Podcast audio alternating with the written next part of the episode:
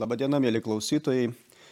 Šiandieną norėčiau Jūs supažindinti su uh, pakankamai pamirštu, bet labai garbiu žmogumi, Sibiro tremtiniu, kunigu Kristupu Marija Švirmicku.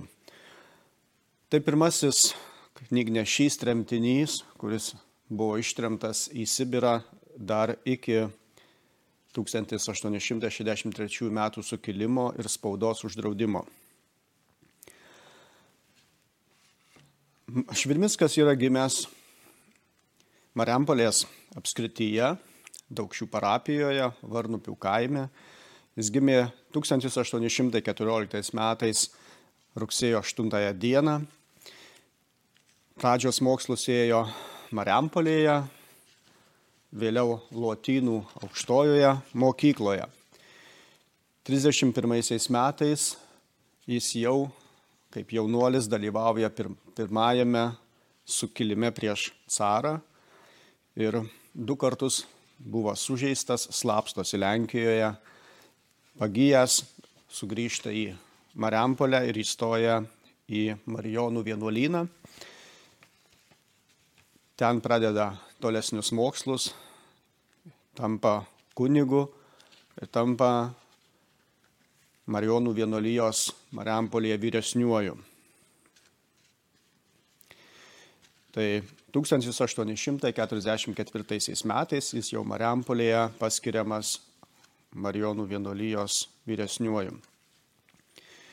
1842 metais jis įsitraukė į uždraustos literatūros platinimą, ją gabena iš Prancūzijos, o taip pat Karaliaučiaus, Prūsijos ir platina tarp išsilavinusių žmonių, o taip pat vienuolyjoje pačioje. Tačiau nors ir buvo pakankamai slapstomasi, tiesiog buvo išaiškinta ši jų konspiracija. Ir vienuoliai, vienuoliai, keturi vienuoliai ir vyresnysis buvo suimami. 1846 metais jau už neteisėtos literatūros platinimą jie suimami. 1850 metais kunigas suimamas, pasodinamas į kalėjimą, o jau 1852 metais, kovo 23 dieną, iš Varšuvos kalėjimo kunigas ištremiamas į Irkutską, Sibirą. Sibirė, nu, nuvykus į tremtį, buvo baisiai apgailėtinos gyvenimo sąlygos, kalėjimai ir, ir visa kita būtis buvo pakankamai sunki. Nors ir buvo kunigas, tačiau pradžioje jis savo pareigų negalėjo vykdyti, nors ten dar atrado tokią mažą katalikišką bažnytėlę medinę, stengiasi tenais patalkinti ten buvusiam vyresnio amžiaus kunigui. Ir po keletos metų kai pasiligojo vyresnysis kunigas, jam buvo leista jo, užimti jo, jo vietą, rūpintis parapiečiais ir tos bažnyčios tvarkymu. Ir neveltui kuniga Švirminską mes galime vadinti ne tik tai pirmasis knygnešys, tremtinys be, ir sielovadininkas, bet ir mokytojas, tremtinių guodėjas ir bibliotekininkas. Jis prie tos mažosios bažnytėlės pastato priestatus, tuose priestatuose apgyvendina vaikus našlaičius, o kito priestato dalyje įrengia mokyklą ir, ir biblioteką. Knygas, žurnalus, dalį laikraščių jis užsakinėja iš visos Europos, įskaitant Lietuvą. Ir leidiniai keliauja paštu į, į jo biblioteką ir tiesiog tie tremtiniai, kuriems neleista a, grįžti atgal į tėvynę, bet jie ten tiesiog turėjo tą katorgą atlikti iki tam tikro laikotarpio, tai turint šiek tiek laisvo laiko, leidžiant galimybę lankytis bažnyčioje, o taip pat ir bibliotekoje. Nors ir jau caro valdžiai atlikus amnestiją ir leidus jam sugrįžti į, į tėvynę, jis atsisakė važiuoti, tiesiog matydamas a, ypatingai a, didžiulį poreikį sielovadinio darbo, ten, kad žmo, tam, kad žmonės a, lengviau pakeltų tą tremtį, atsiskyrimą nuo, nuo giminių, juolap didžiulių atstumų nuo savo tėvynės.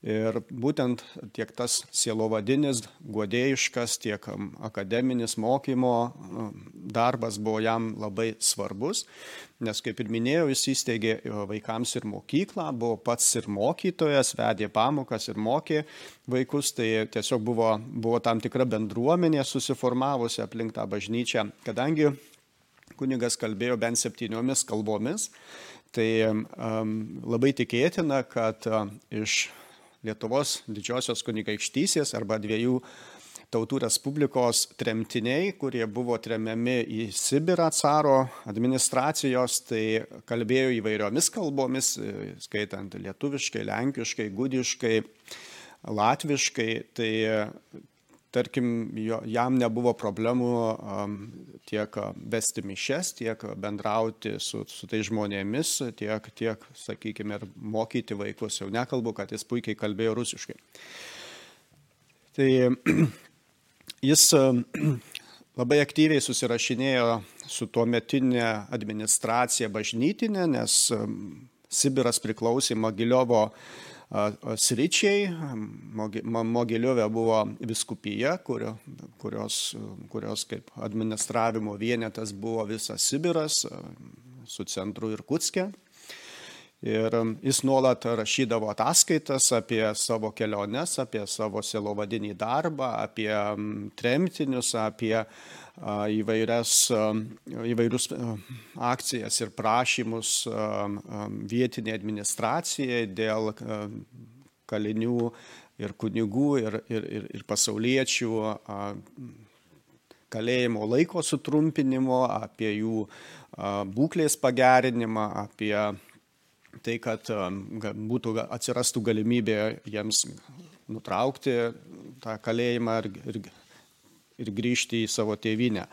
Netgi rūpindavosi lėšomis, um, kurių reikėjo sugrįžti į tėvynę, tai būtent kunigas pasirūpindavo pinigais, nupirkdavo geležinkelio transportų bilietus grįžti iki, iki, iki savo tėvynės daugumai į Lietuvą ir, ir Lenkijos teritoriją.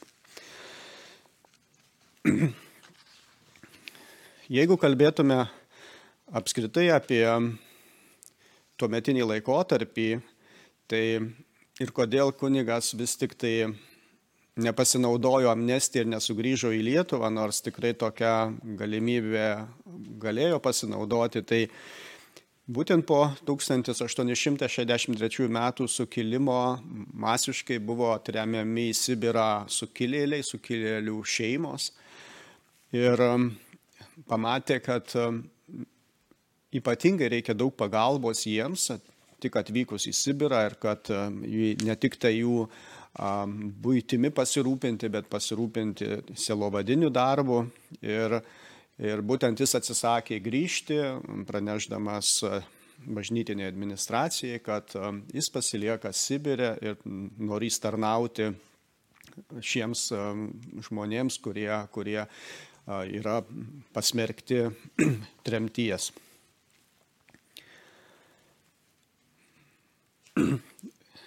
Kadangi vietinė administracija, caro administracija leido jam eiti kaip ir kunigo, kaip ir parapijos vyresniojo pareigas. Tai būtent jam buvo pavesta ne tik tai kaip klebono pareigos ir Kutskė, bet privalėjo kasmet lankyti tikinčiuosius po visą Sibirą išsibarščiusius. Tai daugeliu atveju tai pagal Amūro upę jis rengdavo misijas ir važiuodavo tiek šunų kinkiniais, tiek vežimais, tiek rogėmis, tiek plaukdavo laivais į, į to tokias tremties vietas, o taip pat atliko silovadinį darbą katalikams kariuomenės kar, kariškiams carinės, kurie buvo katalikai, kurie tarnavo tuose daliniuose, tai būtent jis ir, ir tuos dalykus atliko. Taip pat tuokė, laidojo, krikštijo, ten surašinėjo reiškia, tikinčiuosius, jų duomenis, tiesiog tos, tą, tą parapijas, tas parapijas registruodavo. Tai tiesiog tas darbas kartais išvy, išvykos užtrukdavo iki pusės metų, kol jis sugrįždavo atgal į savo, reiškia, tą lokacijos vietą, į, į patį Irkutską.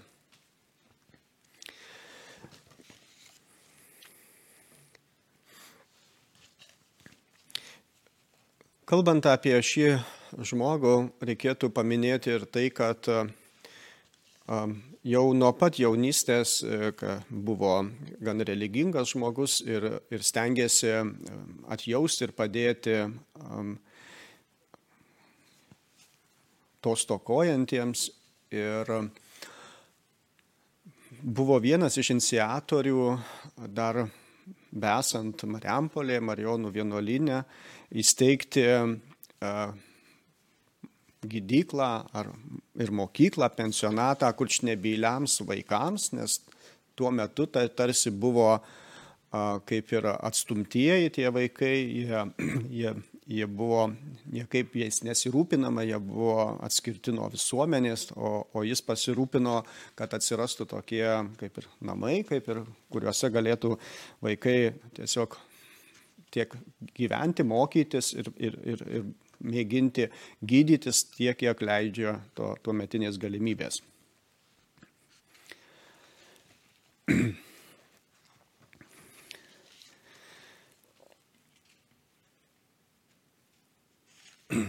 Jeigu kalbant, kad kunigas Švirmickas jau atsidūrė Sibirė 1800 maždaug 50 metais, Tai, tai reiškia, kad Sibiro teritorijoje, o taip pat ir Kutske buvo tūkstančiai kalinčių tremtų piliečių, tuometinės caro administracijos nu, nubaustų ir nuteistų.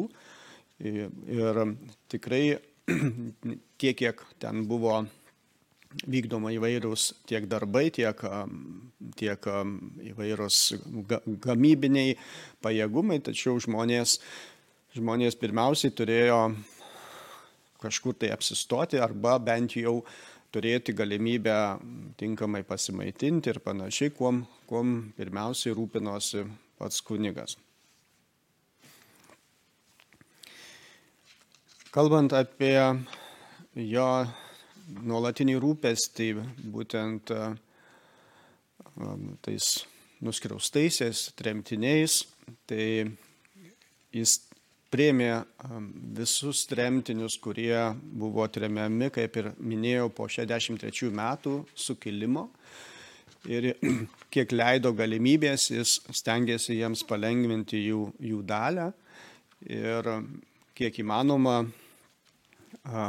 atliko tą raminamąjį sielovadinį darbą um, su tremtiniais, įskaitant um, mišes, bažnyčią ir būtent vėliau um, bibliotekoje skaityklos ir panašiai pagalba buvo žmonės tiesiog sustiprinami.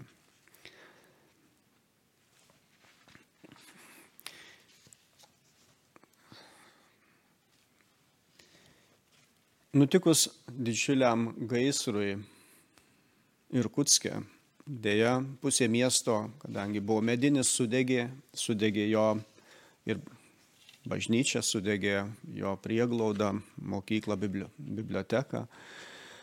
Ir teko jam tiesiog galvoti, ką daryti, kaip pradėti naujos bažnyčios statybą, jo lab, kad nebėra kur ir prisiglausti tinkamai, nebėra kaip toliau silovadinį darbą vykdyti, tačiau jis nenuleido rankų ir parašė į Europą savo pažįstamiems draugams, į vairias parapijas tūkstančius laiškų, prašydamas pagalbos ir aukų. Ir galima sakyti, įvyko stebuklas, per porą metų jis pastatė raudonų plytų mūrinę didžiulę bažnyčią, kuri šiandien tituluojama kaip katedra. Ji išliko iki šių dienų. Aišku, kad sovietmečiui buvo uždaryta, aišku, kad ten buvo ir sandėliai, ir vėliausiai tai filharmonija. Ir tik tai po 2000 metų buvo leista naudotis mišriai tiesiog kaip ir koncertų sale, taip ir tikintieji galėjo naudotis bažnyčia savo apieigoms.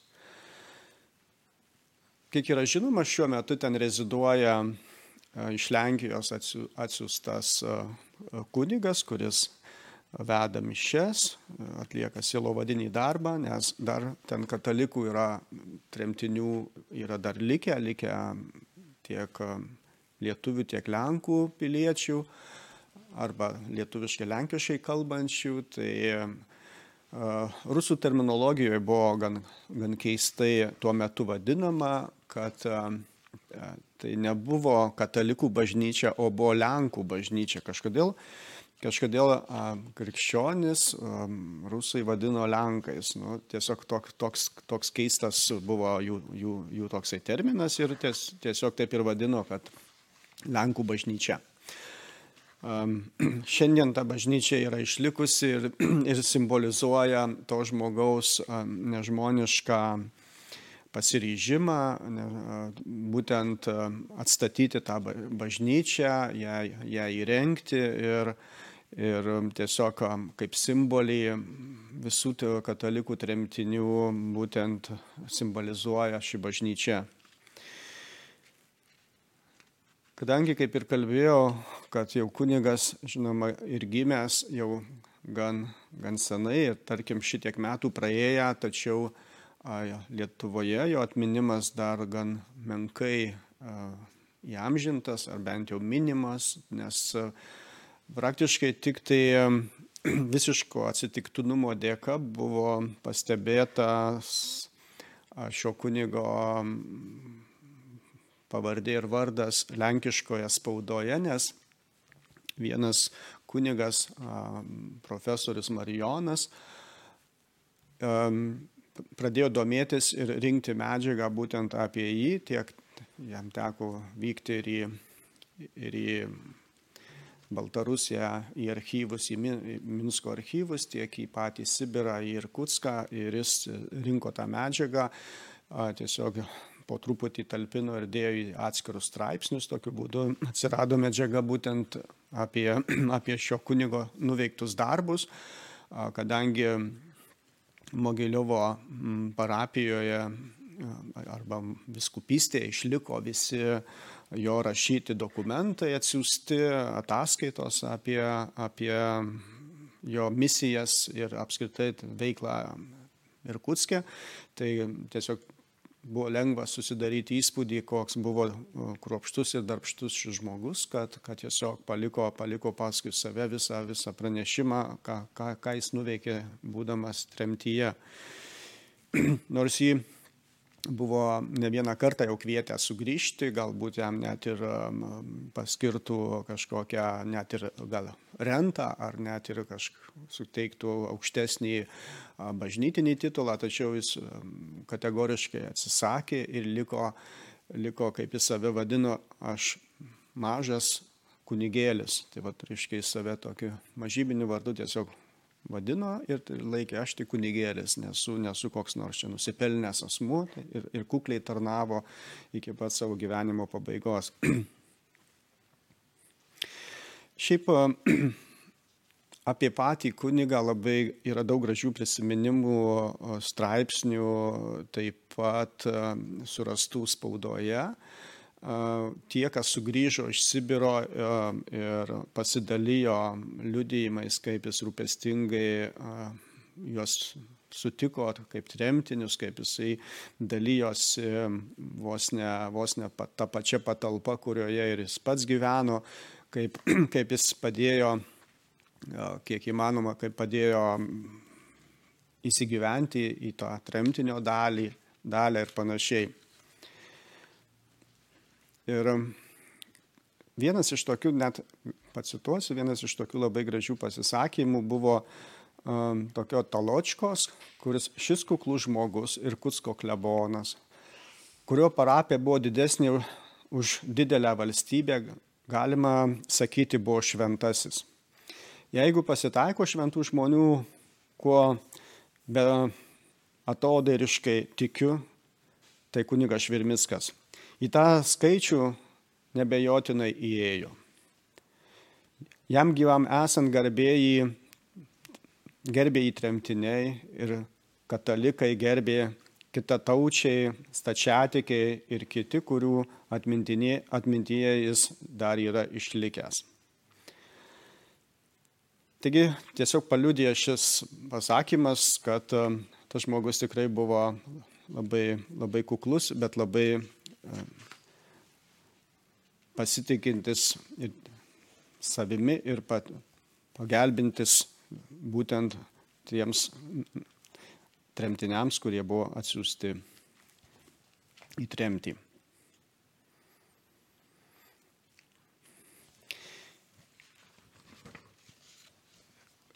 Taigi šio kunigo palikti dokumentai liudyja, kad jis tą visą laikotarpį iki pat savo paskutinės dienos vykdė klebono pareigas ir kad jis atlikęs ne vieną misiją Amūro upės pakrantėmis, aplankęs tūkstančius gyvenviečių, kur, kur, kur radęs ir savo globojamus katalikus. Deja, e, savo gyvenimą užbaigė sužalotas ir mirė po kelių dienų. Po jo mirties pasipylė daugelis, daug straipsnių apie jį ir buvo atsiradę taip pat informacija ir europinėje spaudoje rašė, kaip ir tremtiniai, ne, nebūtinai tik tai katalikai rašė ir, ir kita taučiai, ir kita, kitatikiai, kurie jį pažinojo, todėl kad jis buvo visiškai betarpiškas žmogus ir buvo labai lengva su juo bendrauti, su visais, kaip ir daug kas mini, rasdavo kalbą.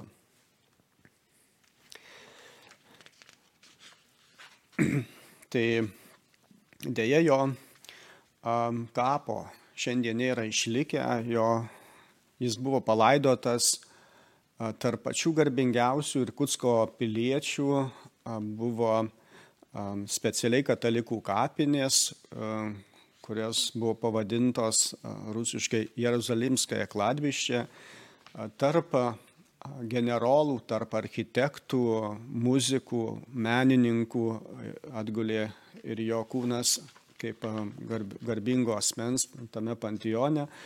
Tačiau labai gaila, kad sovietmečių visą tą teritoriją tiesiog sunaikino, išlygino, nugriovė paminklus ir, na, bent jau šiuo metu tai yra tiesiog parkas, parko teritorija, tai tiesiog galima tik tai tuo pasidžiaugti, kad, na, bent jau nepastatė ant kapinių vietos, namų ar, ar nenutiesi kokio nors geležinkelio ar dar kažko. Tai dėja kapo kaip po tokio nėra išlikę. Yra daug minčių, kad e, vis tik tai jo gimtinėje, Varnupiuose, kurio yra pastatytas koplytstulpis, e, įrengti taip pat vadinamą menamą kapą, kenotafą, kur, kur galėtų žmonės tiesiog sustoti, tiek pasimelsti, tiek prisiminti šį, šį žmogų, kuris tiesiog savo kuklumu parodė pavyzdį visam pasauliui, pavyzdį net tiems, kurie jį nutrėmė, kad pasiaukojimas už savo tėvynę, už savo kraštą, už, už tikėjimą yra daug aukštesnis nei bausmė. Ir kad jo ta tarnystė yra tiesiog nepra, nebeprasmė. Ir kad jis gelbėjo žmonės ten nutremtus, tai tik tai paliudyja, kad būtent jis buvo reikalingas tiems žmonėms ir, ir jis tiesiog buvo atsiųstas tarsi Dievo. tai kunigas mirė 1894 metais, lapkričio 30 dieną, o gruodžio 3 dieną jau buvo palaidotas. Dar norėčiau tokį pacituoti atsiliepimą būtent apie kunigą, kas buvo atspausdinta tuo metinėje spaudoje. Rašė toksai budziai, netekome žmogaus, kuris nežmoniškame tremties pasaulyje buvo meilės apaštalas ir Kutsko laikraštis išspausdino apie jį šiltus atsiminimus. Buvo girdėti ne viena ištikimų katalikų ir stačiatikių dėjonė, kai į šaltą Sibiro žemę buvo laidojamas paprastas baltas karstas su garbingu vieno didžiausių XIX amžiaus lietuvių Lenkų kunigų, kunigo kūnu. Ramybė tavo pelenams, garbingas gerasis žmogau, ramybė tau, kuris nieko met neatsakei pagalbos nei vienai iš savo dvasinių avelių. Ramybė tau ir tebūnie lengva, tau rūsti ir šalta tolimo Sibiro pakraščio žemė, priglaudusi paprastą tavo karstą. Tai būtent tokie kaip ir nekrologiniai buvo pranešimai spaudoje tuo metinėje ir būtent kunigo palaikai ir buvo palaidoti, na, kaip ir minėjau, tame pantione. Tad šią žinią norėjau pasidalinti su jumis.